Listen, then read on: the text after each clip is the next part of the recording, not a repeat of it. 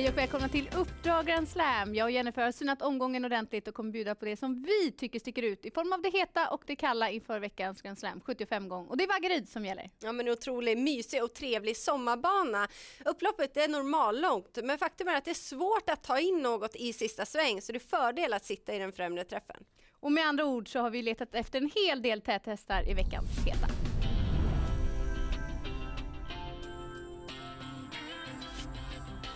Vi börjar med sju Spartak Face i den första avdelningen som nu har två lopp i kroppen och har sett riktigt fin ut. Han känns redo för seger. Skulle han komma till ledningen, ja då är mycket vunnet. Eh, nio segrar har han tagit i livet varav sex av dem är över den aktuella korta distansen så fördel att det är det den här gången. Och i den andra avdelningen så har jag fastnat för nummer ett, Athena Face som har eh, fina förutsättningar här. Hon svarade för en fin tävlingsdebut senast och hon var kvick ut ur volten och fullföljde bra som tvåa.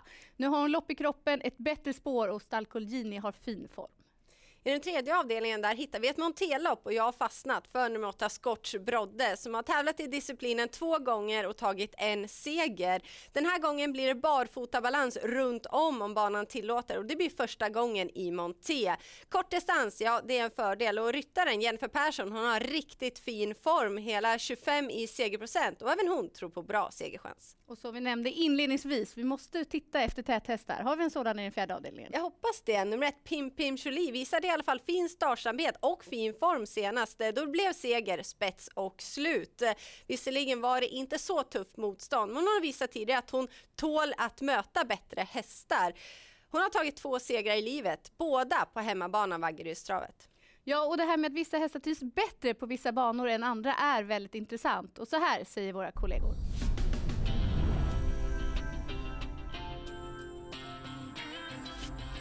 Ja, men det kan du absolut eh, ta med i beräkningen tycker jag. Framförallt hästar som kanske inte gillar att resa. De vill gärna ha nära till sin hemmabana och kanske också är van vid underlaget. Ja, men det gör det väl absolut. Eh, sen kanske jag personligen inte lägger en jättevikt vid det, men det kan ju vara någonting som väger över till det positiva om så är fallet.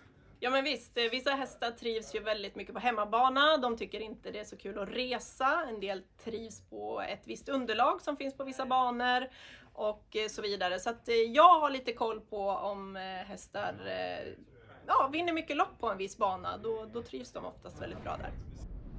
Ja, men vi känns det som en fördel för just Pim Pim Cholis att det är just hemmaplan? Ja, men det verkar ju så. I den femte avdelningen har jag verkligen blivit imponerad av nummer tre, Cash and Carry. Hon har inte hunnit fått någon favoritbana än. Hon har ju bara gjort tre starter i livet. Senast blev hon för pigg bakom bilen och galopperade, men gångerna innan i voltstart har hon skött sig och vunnit överlägset med mycket luft ner till konkurrenterna. Så sköter hon sig på söndag, ja då blir hon svår att slå.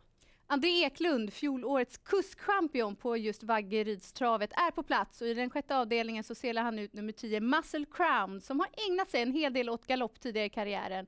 Men inför senaste starten så hade man ändrat i såväl balans som utrustning och det föll väl ut.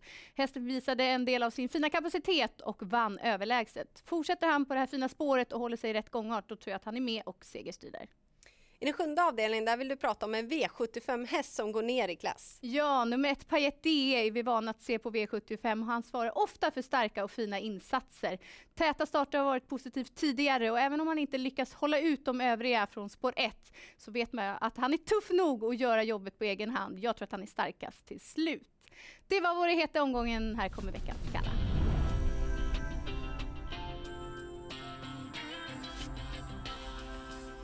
Vi börjar i den tredje avdelningen med nummer 6, Sim Triumph, som har imponerat under sadeln med sina fyra segrar på fem försök. Men när han återkom i februari efter skada så blev han alldeles för vass i ledningen och galopperade i sista sväng. Han har därefter även varit struken, så det är ett frågetecken kring formen.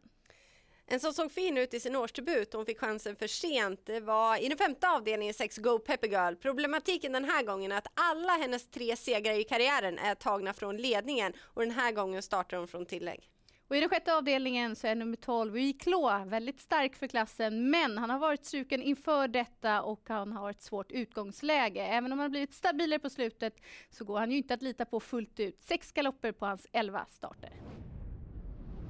Dags att runda av programmet. Vad är det viktigaste att tänka på när det gäller Vaggerydstravet? Vi har ju nämnt det, viktigt att sitta i den främre träffen, så leta efter startsnabba hästar. Athena Face, nummer ett i den andra avdelningen, tror jag är med där framme direkt och jag blev imponerad av hennes tävlingsdebut. Och jag blev imponerad av åtta Scotch Brodde i den tredje avdelningen. Han ser verkligen ut att trivas under sadeln. Stort lycka till med Grand Slam 75!